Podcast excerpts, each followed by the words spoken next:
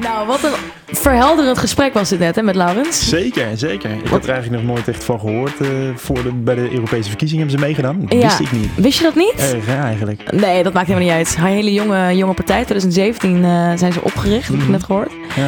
Maar ehm, ja, ik vond het eigenlijk wel interessant. Heel, heel, heel jong, heel jeugdig. Klinkt eigenlijk heel oud als ik dat zeg, jeugdig. Maar bijvoorbeeld het is een hele jonge partij. Gewoon hele, heel idealistisch. Ja, ik, eh, ik vond het wel wat. Ja, want ik, ik dacht ook eerst van je kan toch dan beter op de D66 stemmen tijdens de nationale verkiezingen. Want Ja. die eh, ook pro-Europees. Ja, Maar ja ik, vond het ook wel, ik vond het wel grappig toen hij aangaf dat eh, toen we begonnen over, over Verenigde Staten van Europa.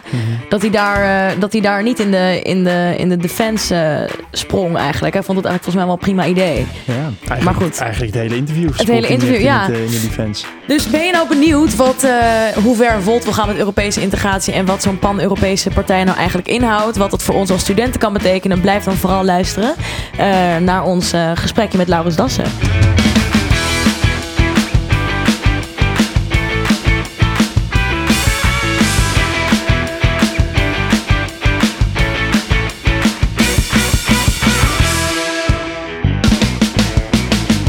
Welkom allen bij een nieuwe aflevering van de Student Stemwijzer, gepresenteerd door Room for Discussion vanuit Vakhuis de Zwijger. We zitten hier vandaag met de lijsttrekker van de nieuwe partij Volt, Laurens Dassen. Ja, goedendag. Goeiedag, fijn dat je er bent. Ehm. Even een klein beetje achtergrond over Volt. In 2017 is de Europese partij opgericht. 2018 was de Nederlandse partij een begrip. Ehm, sindsdien, sinds wanneer ben jij lijsttrekker van Volt? Nou, ik ben zelf ehm, in 2018 bij Volt gekomen. Ehm, eh, maar ik weet niet of we zo een korte introductie gaan doen. Maar eh, toen ik een artikel las eh, waar heel groot boven stond... Nieuwe energie voor Europa. En dat was begin 2018. En in juni eh, 2018 hebben we Volt opgericht. Ehm, nou, toen, heb ik, eh, eh, toen was ik natuurlijk al volop mee bezig. En destijds heb ik toen mijn baan opgezegd samen met Renier van Landschot. Ehm, eerst in de rol als voorzitter, ehm, tot aan de Europese verkiezingen en eigenlijk ook nog het jaar daarna. En sinds eh, juni dit jaar als, als lijsttrekker. Ja, over die baan opzeggen. Ik vond dat wel een heel markant, ja, interessant stukje. Ehm, je hebt zelf in Nijmegen gestudeerd. Ja. En daarna kreeg je eigenlijk een keurige baan bij ABN AMRO. Ik denk dat menig mens geen, eh, geen haar op hun hoofd zou denken... om zich dan in te zetten voor fulltime voor een jonge politieke partij. Wat heeft jou er dan toe gezet om dat wel te doen?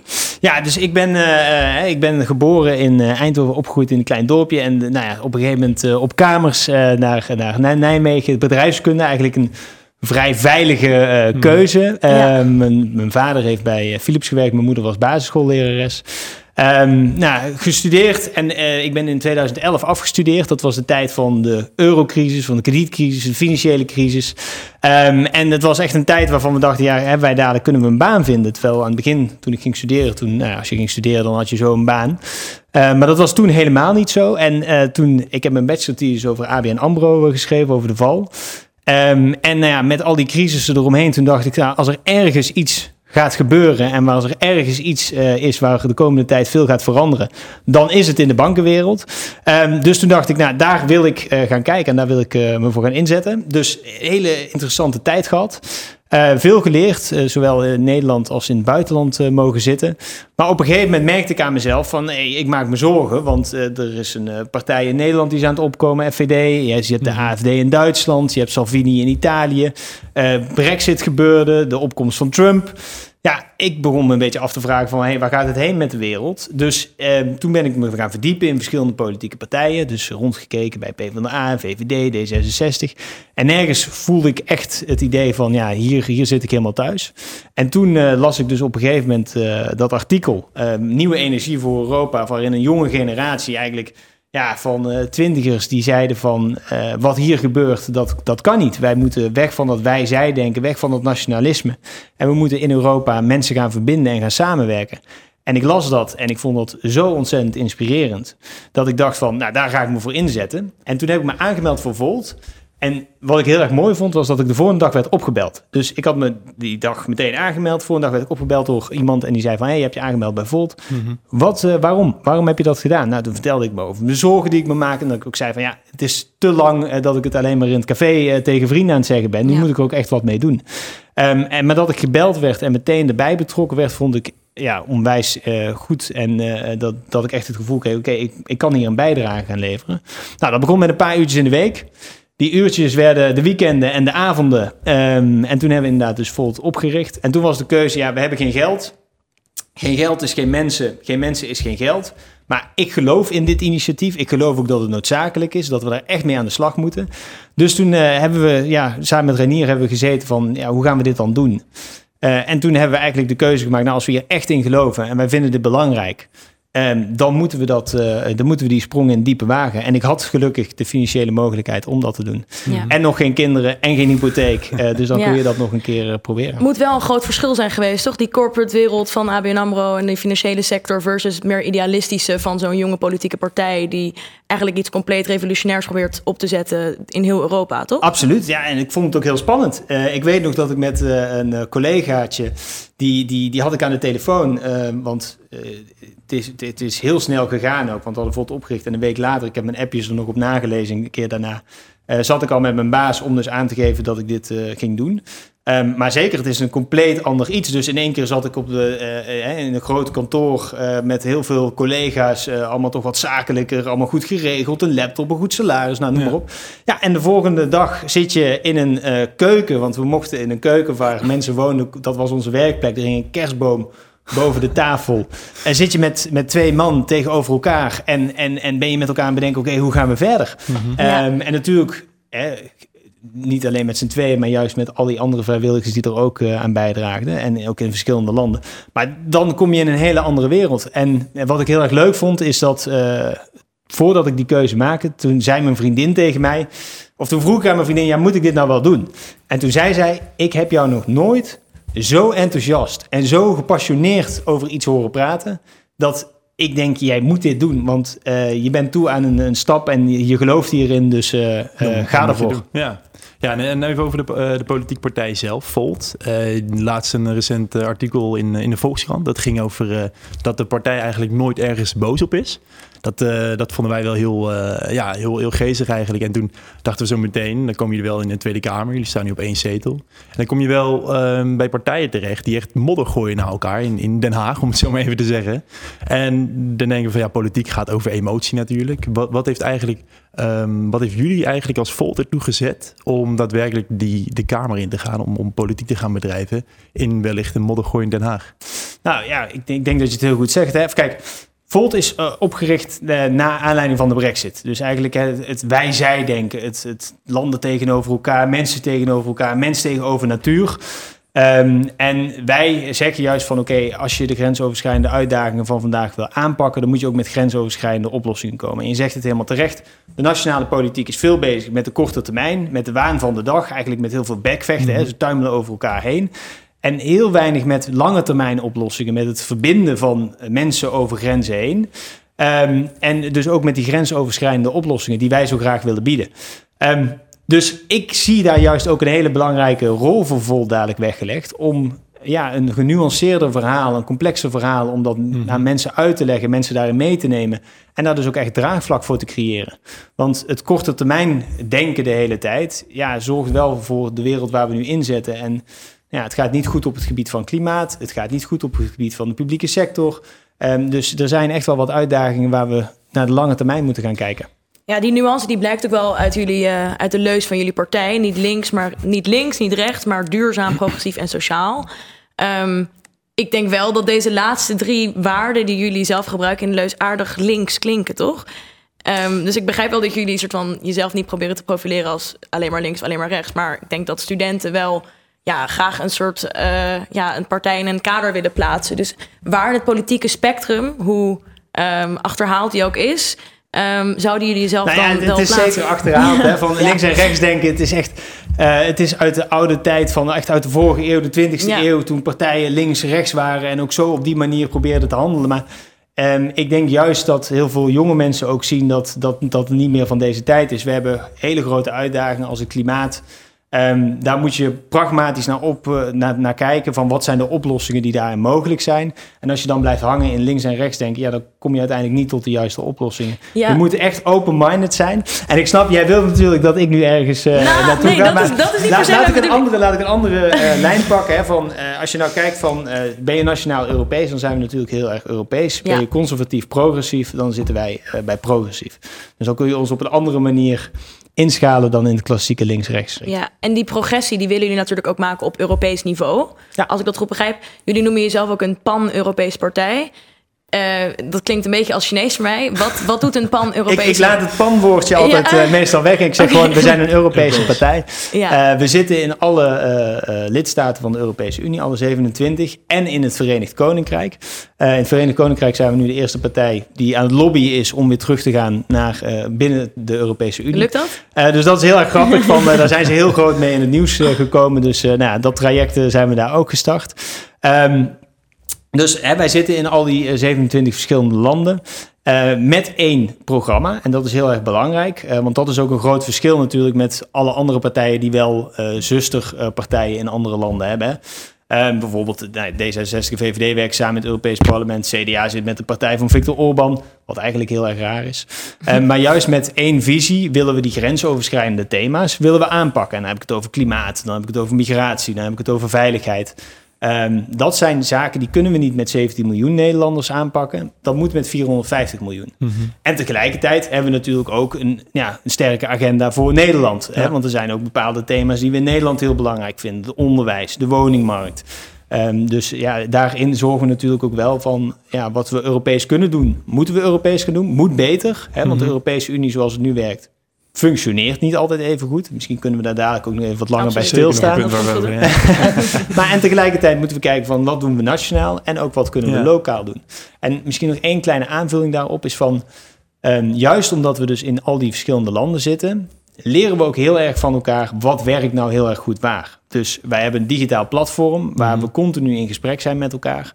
Eh, met de Italianen, met de Bulgaren, met de Duitsers. Ehm, en zo kijken we bijvoorbeeld het onderwijssysteem uit Finland. Ja, dat werkt goed. Wat kunnen wij daarvan overnemen? Ehm, eh, de digitale overheid in Estland. Wat werkt daarvan? En Ja. wat kunnen we daarvan overnemen? Ja, zeker een punt waar we, waar we straks nog op terug gaan komen. En Ja. dat is eh, zeker interessant. En, maar toch nog een beetje voor onze, onze luisteraars en onze kijkers eh, straks. Eh, jullie worden wel vaak vergeleken met eh, D66.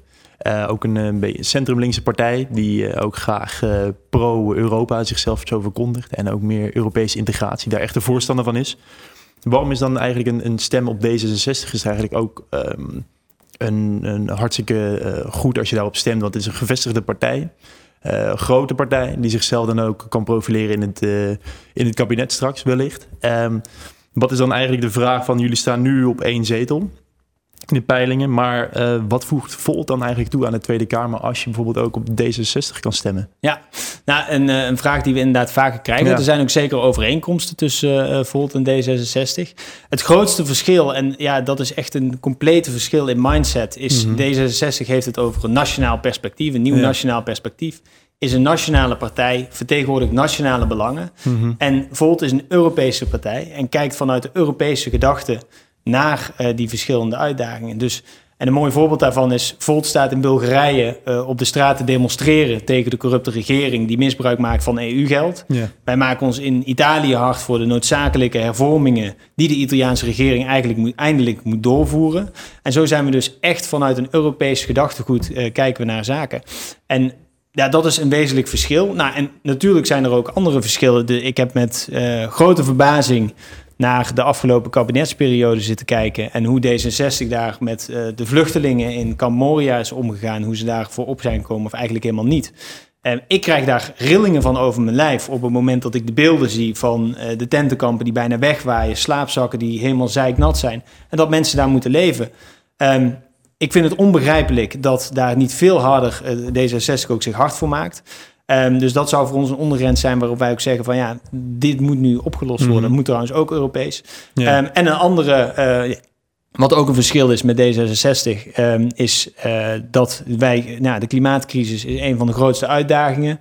En daar moeten we alles op alles zetten om dat op te kunnen lossen. Ik bedoel, die anderhalve graad eh, van Parijs, die, dat, dat, we zijn nu al, gaan we dat niet meer halen als we zo doorgaan. Dus moeten we ook stoppen met, reali- of, eh, met eh, groen dromen en ook realistisch gaan handelen. En dus alle opties op tafel, waaronder ook eh, kernenergie. Ja, en, dan- en dan is natuurlijk wel de vraag van hoe ga je dat samen doen? Dus echt, hoe ver willen jullie eigenlijk integreren in Europa? Zien we zo meteen een, een Verenigde Staten van Europa? Of, of als het aan jullie ligt? Of hoe zien Nou, wat dat? onze, kijk, wat wij, wij, ehm, eh, wij zien onze toekomst voor een groot deel in Europa gemaakt. Ja, Um, dat betekent niet dat we niet ook heel kritisch zijn op uh, de werking van de Europese Unie. Hè? Want de, uh, als je nu kijkt naar hoe de Europese Unie werkt, dan is dat helemaal niet goed genoeg. Uh, neem een heel makkelijk voorbeeld waar veel mensen zich aan ergeren. Ik ook, ik erger me daar echt helemaal kapot aan. Is het maandelijkse verhuiscircus van ja. Brussel naar Straatsburg. Ja, dat natuurlijk helemaal nergens op. Geld, dat is niet goed voor het milieu, het kost enorm veel tijd. En heel veel mensen begrijpen het niet, dus het ondermijnt ook nog eens de geloofwaardigheid van de Europese Unie. Afschaffen. Uh, maar een andere wat we uh, moeten gebeuren is dat uh, op dit moment hebben alle Europese landen een vetorecht. Dus één land die kan in zijn eentje kan besluitvorming tegenhouden. Hè. Dat wordt ook regelmatig wordt dat gedaan. Ik bedoel, tijd geleden heeft Cyprus met 0, 2% van de Europese bevolking heeft heel lang de sancties tegen Wit-Rusland tegengehouden. -hmm. Nou ja, stel je voor dat Nederland op die manier bestuurd zou worden. Dan zouden we hier uh, 12 provinciehoofden hebben. En die zouden dan allemaal een veto hebben. En op elke besluit wat hier in Nederland wordt gemaakt, kunnen zij een veto uitspreken. Dus als Drenthe dan ergens op tegen is, dan kunnen ze de hele voortgang van Nederland tegenhouden. Ja, dat werkt volgens mij ook niet. Dus wij zeggen ook dat veto moet afgeschaft worden en moeten naar gekwalificeerde meerderheidsbesluitvorming. En als je dan vraagt van, hè, van wat is dan jullie stip op de horizon? Ja. Nou, dat is voor ons een echte Europese parlementaire democratie. Dus eigenlijk zoals het in Nederland ook werkt, dat je, je hebt uh, stemming op het Europees parlement. Dat is een voorwaardig parlement. Daar heb je recht van initiatief, dus mogen zelf wetten initiëren. Vanuit dat parlement wordt een uh, Europese regering gekozen met een Europese minister van Financiën, en noem maar op. Um, en zo zeg maar, uh, dat, dat is onze echte stip op de horizon waar we graag naartoe zouden willen. En nu heb je die Europese Raad, de Europese Commissie, het Europees Parlement. Um, erg complex. Ja. Erg complex, ja. voor veel mensen ook niet te begrijpen. Hè. De, de, de Europese Raad, dat zijn de regeringsleiders. De Europese Commissie, Ehm, die krijgt vanuit de Raad eigenlijk de opdracht om bepaalde dingen uit te zoeken en uit te voeren. En het Europees Parlement, ja, die mag dat dan controleren. Nou, het is veel te complex. Dus uh, ik geloof er ook in dat op het moment dat we naar die Europese parlementaire democratie toe gaan, dat het voor mensen veel begrijpelijker wordt. En dat ze dus ook goed begrijpen ja. van waar het, uh, waar ja, het over gaat. Ik denk dat, dat je daar ook wel een belangrijk punt aan snijdt. Want um, je kent deze statistieken waarschijnlijk wel, maar van het Sociaal en Cultureel Planbureau. Um, waarin uh, blijkt dat 85% van de Nederlanders zich verbonden voelt met de nazistaat. In tegenstelling tot 37% van de Nederlanders die zich verbonden voelt met de Europese Unie. Dus ja, ik denk dat dit misschien um, een beetje tegenvallende cijfers zijn voor een wat, Wat heel erg mooi is, is van, uh, we hadden laatst een, een mooi gesprek en toen zei uh, iemand die zei ook, weet je, um, mensen voelen zich misschien niet uh, helemaal prettig uh, met de EU, maar wel heel erg fijn in de EU. En van dit zijn inderdaad cijfers van nou, de Europese Unie. Ja, het is uiteindelijk politiek, dus ik kan me heel goed voorstellen dat mensen daar een bepaald beeld bij hebben. Ik denk als je het anders zou vragen van zouden mensen zich thuis voelen in Europa, dat de, aantallen vele malen hoger zouden zijn. Want um, er zijn, hè, ik geloof 75 tot 80 procent van de mensen is wel voor Europese samenwerking. Dus um, hè, ja, ja. je kunt die cijfers natuurlijk net wat anders interpreteren. Ja. Um. ja, toch, maar als je dan toch het hebt over zo'n Europese parlementaire democratie, dan vraag ik me wel af van wanneer maak je dan de overweging om iets op nationaal niveau aan te pakken versus op internationaal niveau? Want ja, zo'n Europees parlement en democratie, dat klinkt natuurlijk wel um, heel, ja, heel progressief en heel, heel ambitieus. Maar ik denk dat er ook wel mensen zijn die zich afvragen van wanneer gebeurt er dan iets op nationaal niveau? Ja, nou en dat is terecht, hè? Want natuurlijk mensen vragen dat zich af van, hè, je hoort natuurlijk heel vaak van, ja, maar dan gaat uh, de Europese Unie misschien alles bepalen. Dat hoeft uh, niet en volgens mij moet dat ook helemaal niet, mm -hmm. want je moet juist zorgen dat uh, je elk onderwerp kijkt op welk niveau kun je dat het beste mm -hmm. aanpakken. Ik bedoel, er zijn heel veel uh, onderwerpen ook in Nederland die je uh, lokaal in de gemeente uh, aanpakt en die je niet op nationaal niveau gaat aanpakken. Nou, neem bijvoorbeeld op dit moment onderwijs.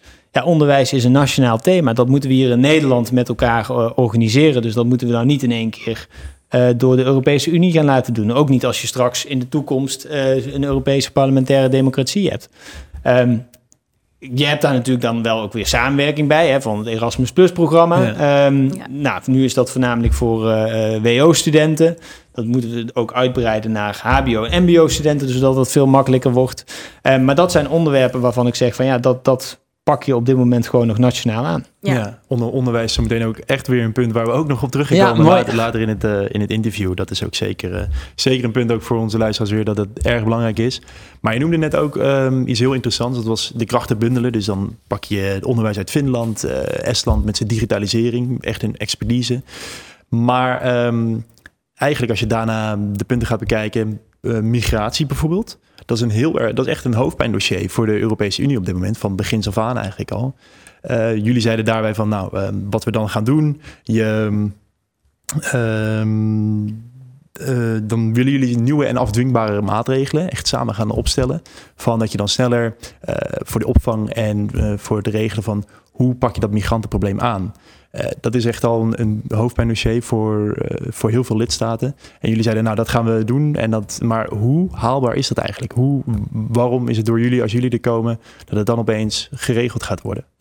Nou, kijk, het, het, het is echt een hoofdpijndossier. En ik, wat ik net al zei, van, je krijgt er rillingen van eh, langs je lichaam als je de beelden ziet Ja. van wat we deze mensen bewust aandoen. Ik bedoel, het zijn politieke keuzes die hier gemaakt worden. Dus ehm, er wordt nu een beetje verschuild achter van, ja, de lidstaten willen het allemaal niet. Ehm, nou, dat, dan kom je dus op het eh, vetorecht waar ik het net Ja. over had. Van dat, dat, daar moet je van af om dit Mhm. soort eh, zaken met gekwalificeerde meerderheid eh, te kunnen besluiten. En ja, er moet een Europees migratiebeleid komen. Ehm, waarbij eh, er meer ruimte is voor legale manieren van eh, Ja. binnenkomst in Europa. Maar zeker dit soort eh, vluchtelingen die op de vlucht zijn is- voor is- oorlog en geweld, ja, die moet je op een duurzame manier opvangen. maar het is toch bijna onhaalbaar of, of idealistisch als je dan en het vetorecht wil je eraf wil je, wil je door, doordrukken. Veel landen willen daar niet vanaf, want die willen toch nog een beetje hun stempel erop drukken. Het is eigenlijk heel idealistisch en, en bijna onhaalbaar. Nou, ik, ik, ik zou juist niet willen denken in van wat niet kan, eh, maar veel meer willen focussen op wat wel kan. Want Maar dit wel, zijn. wel, het is wel realistisch, Nou, lijkt mij. eh, Het, het is ook realistisch om het te veranderen. Alleen je moet er dan ook wel voor gaan staan. En Mhm. precies voor dit voorbeeld eh, is het dus ook belangrijk dat er een partij als Volt is. Want Mhm. wij hebben dus op Europees niveau hebben we bepaald dat er een Europees migratiebeleid moet komen. En dus de mensen in Italië, in Griekenland, in eh, Spanje, in Duitsland maken zich allemaal hard voor dat beleid. Mhm. En tuurlijk, het is niet van de een op de andere dag eh, geregeld. Nee. hè, het dat, dat weten we allemaal. Ik bedoel, maar het is zo ontzettend belangrijk dat, ehm, eh, dat we dus partijen hebben die in alle landen georganiseerd zijn om datzelfde geluid te laten horen. Eh, en dan weet ik zeker dat je het voor elkaar eh, kan krijgen. En gaat het makkelijk zijn? Nou, volgens mij is er in politiek is heel veel eh, niet makkelijk. Ehm, maar je zult er wel voor op moeten komen. En ehm, eh, te vaak hoor ik ook in de politiek... ja, maar het kan niet. Of ja, maar het is lastig. Of ja, maar we doen het al jaren zo, weet je wel. Kom op. En het is toch, het is echt... Ik, ik, ik denk dat onze eh, kinderen of generaties na ons... die zullen ons hierop aanspreken en die zullen zeggen... hoe hebben jullie in Gods hemelsnaam dit kunnen laten gebeuren? Dat er mensen... En het is eh, dat er kinderen worden ingeënt, eh, preventief tegen tetanus... omdat s'nachts de ratten aan de tenen zitten te eten. Dat kan toch niet? Nee, dat kan Dan, niet. dan, dan ben je toch met elkaar... En dan, dan zeg je, dan kunnen we toch niet met elkaar accepteren... ja, maar landen willen het niet. Dan, dan zorgen we er toch voor dat we zoveel mensen weten te mobiliseren... die daar zich hard voor gaan maken... om te zorgen dat er een ander beleid gaat komen. Ja. Nou, nog zo'n hoofdpijndossier waar we het misschien even over moeten hebben, is de coronacrisis. Ja. Ehm, volgens sommigen heeft deze coronacrisis ja, misschien wel laten zien dat de Europese Unie eh, in extreme termen misschien een gefaald experiment is. Eh, want sinds de lockdown ehm, zijn eigenlijk een heel groot deel van de kernwaarden van de Europese Unie natuurlijk overboord gegooid. Sluiting van de grenzen, race om het vaccin, race om het beste coronabeleid. Ehm, nu de verkiezingen eh eraan komen over een paar weken, denk je niet dat het misschien een beetje slecht getimed is na een periode van wat stroeve Europese samenwerking? Ehm, dat, dat wij mee gaan doen aan de verkiezingen. Nou ja, dat er zo'n pro-Europese partij opkomt. Nou, ik denk Ehm, juist dat het, dat het wederom de noodzaak aantoont. Ehm, want je, je zegt terecht van aan het begin van de coronacrisis. eh, in Italië was er een corona-uitbraak. De grenzen gingen dicht. Ehm, er was een strijd op de mondkapjesmarkt. Er werd niet samengewerkt. Eh, en waar leidde dat toe? Uit, dat de medicijnen voor de grenzen stilstonden. Dat, er geen, eh, dat de mondkapjes eh, uitverkocht waren. Noem maar op. Ehm, en het laten zien van de gezondheidszorg is ook een nationaal thema op dit moment. Ehm, maar juist pandemieën, die ook grensoverschrijdend zijn, die zou je Europees moeten aanpakken. Nou, ik heb me eh, verbaasd van, eh, ik heb met meerdere experts hier ook over gesproken, en die zeiden al jarenlang wordt er aangegeven dat pandemieën een van de grotere dreigingen kan zijn. ik verbaas me daarover dat daar dus helemaal geen draaiboeken voor klaar lagen. Niet in Nederland, maar ook niet uh, op Europees niveau. Nu heeft de Europese Commissie heeft aangegeven wat we nu hebben zien gebeuren, dat was natuurlijk helemaal niet goed. ook al hebben ze zich wel redelijk snel herpakt hè, met het corona-herstelfonds, wat uiteindelijk uh, gekomen is. Uh, maar ze hebben daar uh, duidelijk plan voor gemaakt. Oké, we moeten in de toekomst moeten we pandemiedraaiboeken hebben. Ja, wat zegt Rutte? Nee, want gezondheidszorg is een nationale aangelegenheid. Mm Ik denk dat deze pandemie, dat het coronacrisis laat zien, dat we ook op Europees niveau daarin moeten samenwerken. Ja. En de houding van Hoekstra, uh, en ik hoop echt dat hij hier uh, aan tafel zal komen en dat jullie hem daar flink over aan de tand zullen voelen, ten opzichte van de Italianen, toen de ziekenhuizen daar helemaal vol waren. Ja. En dat hij zei, hebben jullie je begroting, waarom hebben jullie je begroting niet op orde? Van, dat gaf zo'n beeld van nationaal eigenbelang en geen besef van wat de Europese Unie is, als je het hebt hè, over kernwaarden, over solidariteit. Um, dat het juist extra noodzakelijk is, en dat heel veel mensen daar dus ook op zitten te wachten, dat er een partij is die zegt: jongens, we moeten hier samen uit gaan komen, we moeten hierin samenwerken. Maar is zulke Europese solidariteit dan eigenlijk wel te realiseren als er in tijden van tegenspoed uh, zo'n soort ieder voor zich attitude wordt aange, aangehouden? Of denk je dat dat, dat, dat, nog wel, uh, dat dat nog wel goed komt, bijvoorbeeld met zo'n Europese minister van Financiën? Ik, ik denk zeker dat het goed komt, want uh, dat is natuurlijk de hele reden van waarom we met Volt bezig zijn. Um, en dat is ook het mooie. Hè? Wij zetten met Volt hebben we heel veel jonge mensen. Uh, in Nederland, in Italië, overal. Het zijn mensen die, uh, allemaal jonge mensen die zeggen ja, wij zijn niet opgegroeid met de gulden of met de lieren of met de Duitse markt. Mhm. Wij zijn opgegroeid zonder grenzen. Wij zien klimaat als een van de grootste bedreigingen voor onze toekomst. Dus wij willen graag over grenzen samenwerken en met mensen dit soort uitdagingen oplossen. En die zijn helemaal niet bezig van wij willen graag de grenzen weer dichtgooien en wij willen alleen in Nederland uh, achter, de, achter de muren gaan zitten. Een heel groot gedeelte is dat helemaal niet. En het, het is heel erg uh, grappig van dat Um, uh, en, en dan kom ik even terug op het puntje van de Europese Unie functioneert niet altijd even goed. En daar moeten we ook met elkaar kritisch op zijn. Want ja, de Europese Unie functioneert inderdaad niet altijd even goed. Maar het grappige is dat we eigenlijk heel vaak de discussie krijgen van ja, moeten we wel of niet in de Europese Unie zitten? Terwijl dat is volgens mij niet de discussie die we moeten hebben. We zijn ook kritisch op de Nederlandse regering. En terecht. Want als we kritisch zijn, dan zorgen we namelijk dat het beter wordt. Dus laten we ook zorgen dat we uh, de, de, de critici niet alleen maar in de eurosceptische hoek hebben, maar laten we ook de mensen die pro-Europees zijn, laten we die ook uh, eurokritisch zijn, zodat we zelf die Europese Unie beter kunnen maken. Ja. En komt uh, Volt dan te vroeg? Ik denk dat Volt geen moment te laat is om mee te gaan doen in die Europe of aan die Tweede Kamerverkiezingen. Ja. Want ook hier, um, en dan, dan geef ik hem terug, maar Um, zie ik straks in de Tweede Kamer mezelf bij het onderwerp migratie of bij klimaat uh, of uh, een ander of veiligheid uh, naar die interruptiemicrofoon lopen.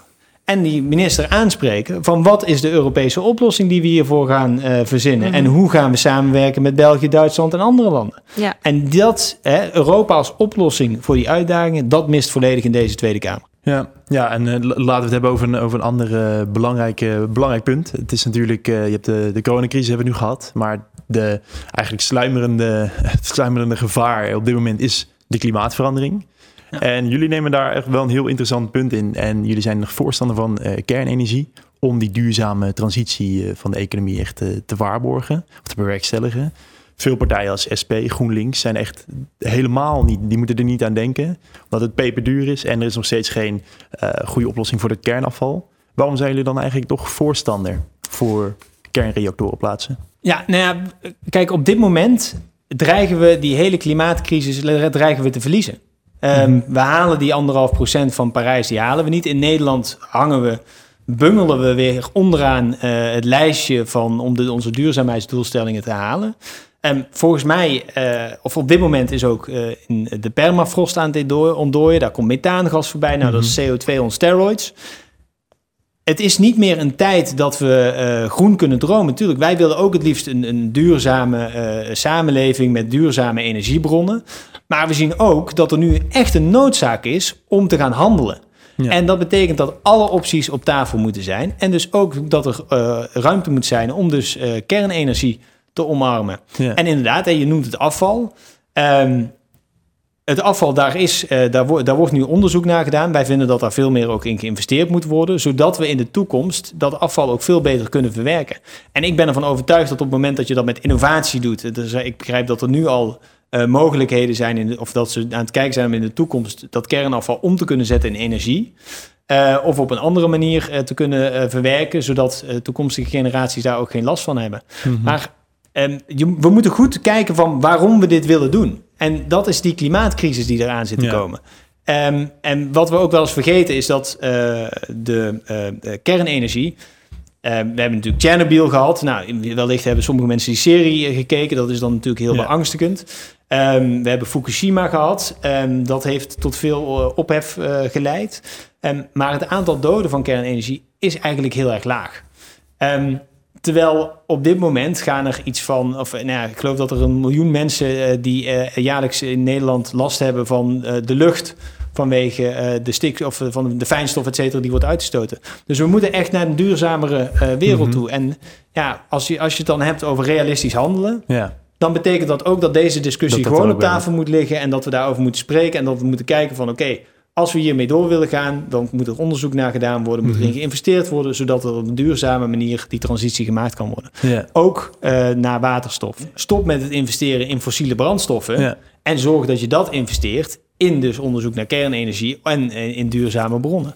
Daar ben ik het absoluut mee eens. Mm -hmm. En die transitie moeten we zo snel mogelijk maken. Ja, ja.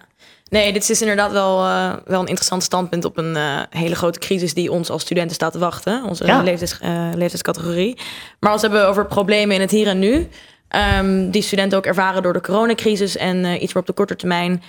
Um, komt natuurlijk mentale gezondheid uh, bovenaan te staan eigenlijk. Samen met het leenstelsel en nog een aantal andere onderwerpen die we zo zullen gaan bespreken. Um, in jullie partijprogramma hebben jullie het ook over de mentale gezondheidsklachten van studenten. En jullie erkennen dat die worden verergerd door de coronacrisis. Maar um, ja, als jullie kijken, als we kijken naar oplossingen die Volt heeft voor dat probleem, noemen jullie een regionale netwerkbenadering waarin alle nodige expertise beschikbaar is en op maat kan worden ingezet. Het klinkt een beetje cryptisch. Um, kan je dit misschien wel beter voor ons uitleggen voor uh, ja, wat wij eigenlijk als studenten hebben aan een partij als Volt als het gaat om uh, ja, ons welzijn, mentale welzijn? Ja, nou, dit is zeker een van de uh, grote uitdagingen die spelen bij studenten. We hebben zelf een, een kieslijst met een derde die jonger is dan 25 jaar. Um, dus um, uh, die zijn de afgelopen weken ook uh, flink aan de slag geweest om na te denken van hey, wat zijn nu de gevolgen van corona voor studenten, maar ook voor andere jonge mensen en, en hoe ga je daarmee om? Daar kwam ook uh, welzijn als iets heel belangrijks uh, naar voren. En twee punten die ik, nou, in het coronaplan, of het jongere coronaplan staat uh, ook op onze website stemvol.nl. Ja, sinds gisteren. reclame. Ja, sinds gisteren. Het is gisteren gepresenteerd. Heb ik, schrok, ik, ik schrok het ongeluk ja, toen ik hem zag. Ik dacht, het hele interview uh, staat daar op YouTube straks gepresenteerd. Maar... Dus jullie moesten denk ik helemaal bijschakelen. Ja, ja, ja. Gelukkig waren we goed voorbereid. Dus nee, het, het, het zag hartstikke goed uit. Nee, maar dus hè, om aan te geven van, wij zijn hier namelijk wel heel erg bewust mee bezig, omdat we dit natuurlijk zien. Voor veel uh, jonge, of veel ja, jonge mensen die zitten nu thuis uh, op een kamer, terwijl het eigenlijk een tijd zou moeten zijn van elkaar ontmoeten, met ja. elkaar sporten, met elkaar uitgaan, creativiteit. Uh, ik ben zelf ook iemand, ik krijg energie van mensen om, om me heen. Ik bedoel, ik zit ook heel veel achter Zoom nu en dat ik hier met jullie aan tafel zit, ja, dat helpt al. Maar om even terug te komen bij, bij jouw vraag van, nou ja, twee belangrijke punten die daar naar voren komen is van laten we kijken of we sporten in ieder geval zo snel mogelijk weer uh, open kunnen zetten voor ja. alle jonge mensen.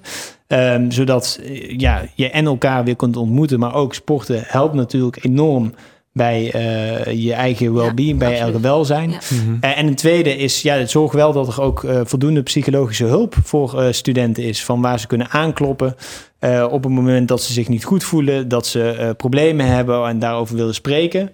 Zorg dus dat dat veel beter gefaciliteerd wordt. Ja, en dat zou dan natuurlijk op nationaal niveau zijn. Of zou je dat ook op Europees niveau willen aanpakken? Want nou, dat, dat, dat zou je uiteindelijk juist wat meer op lokaal niveau willen aanpakken. Dus dat je zorgt dat hè, dat, dat uh, juist op de juiste plekken uh, beschikbaar wordt gesteld. Uh, ik zou er zeker voor pleiten om dat overal in Europa te doen. Maar ja. ik denk niet dat het handig is om dat op nee, Europees ja. niveau aan te pakken. Ja. ja nou. Maar het is echt een heel belangrijk thema. En, en we moeten ook goed, goed oppassen. Want...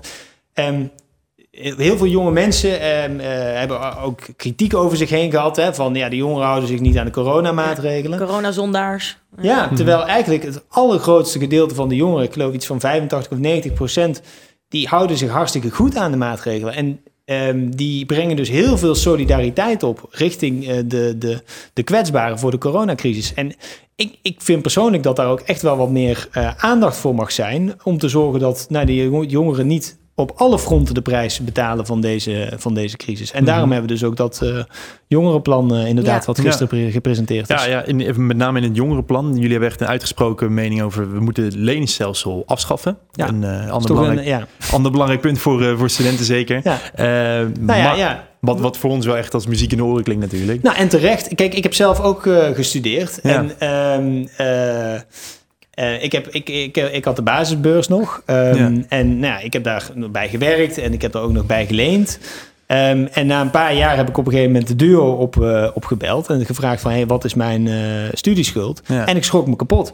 Ehm, en ik kan me nu voorstellen dat op het moment dat je nu dus begint met studeren en je begint eigenlijk al meteen met schulden opbouwen, dan Mhm. begin je toch niet op een juiste manier aan je studie. Nee. En ik kan me voorstellen dat dat dus meteen ook onnodig veel stress oplevert. Terwijl ja, je studententijd is ook een Mhm. tijd waarin je je moet ontwikkelen. Hè? Uiteindelijk, ja, je gaat studeren en daarbij haal je diploma. Met dat diploma mag je gaan solliciteren.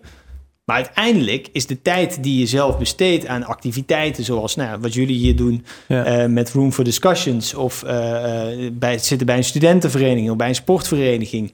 Dat is de manier waarop je ontwikkelt, vriendschappen maakt voor het leven. En daar Mhm. moet wel ruimte voor zijn. Dus ja, leenstelsel weg en die basisbeurs moet terug. Ja, en dan, en dan blijft natuurlijk de vraag over wat doe je met de generatie van 2015, 2020? Want dat, dat zagen we niet terug in jullie programma's. Van Nee, hoe, die, hoe die gecompenseerd gaan worden. Dat is Ja. wel echt een. Ik ben er zelf ook eentje van. ehm, die wellicht de dupe wordt van.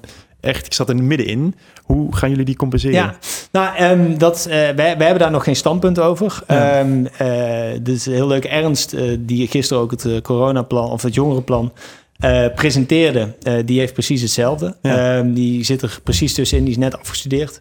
En ehm, wij zijn wel aan het kijken van hoe kunnen we die compensatie vorm gaan geven. Want ja, natuurlijk, wij vinden ook dat de studenten die nu ge- gestudeerd hebben en eigenlijk dus, nou ja, één, heel snel hebben moeten studeren, omdat ze dus anders nog meer schulden opbouwen. Mhm. Ja, dat we wel kunnen kijken of we hun toch ook op een bepaalde manier kunnen compenseren. Ja, zoals eh, de SP en eh, Denk, die hebben bijvoorbeeld gepleit voor het eh, teruggeven van een, ehm, de, de thuiswonende basisbeurs. En Ja. daarvan een volledige compensatie daarvan.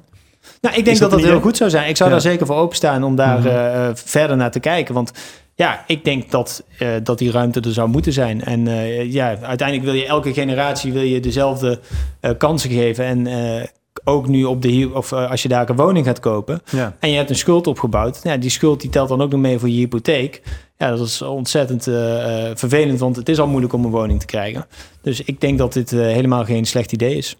Maar het is natuurlijk een supergoed idee. En ik denk dat dit eh, voor heel veel studenten eh, ja, heel goed nieuws is. Maar ja, om toch eh, de vraag te stellen... waar in vredesnaam haal je het geld vandaan om dat terug te gaan betalen? Nou, ehm, op dit moment eh, eh, ja, hebben we volgens mij voldoende ruimte in de Nederlandse begroting om, om dit soort compensaties te kunnen doen. Ik weet Ja, niet wat is dat zo? Volgens mij is de staatsschuld met 60% toegenomen sinds de coronacrisis. Nou, niet met 60%. Volgens mij is hij nu ongeveer 60%. Ehm, maar je moet, ja, we moeten dus goed kijken van eh, eh, wat we hier doen. En een van de punten die ook in het eh, jongerenplan naar voren kwam... is dat we willen kijken naar een solidariteitsfonds. Hè? Dus dat we zeggen van, nou ja, er zijn nu heel veel mensen... die nog vermogender worden dankzij de coronacrisis. En er zijn heel veel mensen die daar de dupe van zijn. Vooral dus ook jongeren. Mhm. Van kunnen we dus ook niet kijken of de mensen met een heel groot vermogen... of die een bepaalde bijdrage kunnen leveren... om dit soort zaken dus te compenseren. Ja, afschaffing van een jubeltonnetje zag ik al in jullie partijplan. Ja, ja, ja, Ja. nou ja, het, het, het, als je het hebt over kansengelijkheid... dan is een jubelton... eh, hè, een ton dus die mensen krijgen om een woning te kopen. Mhm. Eh, wat hartstikke fijn is voor ze, hè? want eh, iedereen die het, die het krijgt, dat, dat lijkt me fantastisch. Maar het is natuurlijk wel een, een ongelijk speelveld aan het worden. Hè? Dus stel van je bent met z'n tweeën en je krijgt allebei een ton van eh, je ouders. Ja, dan heb je twee ton. Ja, dan kun je makkelijk de woningmarkt op. Maar Ja. als je dat niet hebt en je hebt een studieschuld, ja, dan kun je daar niet meer tegen opbieden. En dan heb je dus geen kans op een woning. En ja, de woningschaarste is natuurlijk al enorm. Mhm. Dus ja, dat, dat, dat is niet meer eerlijk en dat moet gewoon afgeschaft worden. Ja. Dus dan moet je daar gewoon eerlijk belasting over betalen als je dat wil schenken aan Ja. eh, aan je kinderen. Ja. Ja. Helder, helder. Nou, nationaal niveau, je had het er net al eventjes over. Volgens de peilingen staan jullie nu op een zetel. Ja. Jullie hopen volgens mij op zes, toch? Of Minimaal drie zetels. minimaal drie? Minimaal oh, ik, drie was, ik was iets te, iets te enthousiast. Eh, als het 6 zou worden, dan zijn we natuurlijk Ja. helemaal gelukkig. Nee, we hebben bij de Europese verkiezingen hebben we 2% van de stemmen gehaald. Ja. Ehm, dat zouden vertaald naar kamerzetels drie eh, zetels zijn. We staan nu inderdaad op één in de peilingen. Ja, Daar, eh, daar zijn we erg blij mee. En eh, nou ja, we gaan ervan uit dat we nu snel voor twee en nummer drie ook gaan. ja, want binnenkort zijn de verkiezingen. Op wie ga je eigenlijk zelf stemmen? Eh, ik ga op uh, Volt stemmen. Op jezelf? Op mezelf, eh, dat weet ik nu niet. Oh, daar moet je nog even over Ik denk het nadenken. Ja. ja, heel goed. dat vind ik toch wel leuk om met dat rode bolletje en dan ben je eindigen. Ja. Ja, dat is toch wel even. Maar Laurens, ik vond het een heel helder gesprek. Ja, super bedankt. Hartelijk dank. Ja. Laten we hopen op, eh, op, die, eh, op die zetel en hopelijk meer. Ja, zeker. Dankjewel. Ehm, ja, dankjewel voor je tijd en je energie. En eh, nou, hopelijk tot in de Tweede Kamer over een eh, paar weken. Zeker. En dan eh, ja, hoop ik dat, dat jullie daar een keer langskomen. Dat zou ik erg leuk vinden. Nou, ik hou, deze, ik hou je aan deze, aan deze uitnodiging. Hoor. Top, dank jullie wel.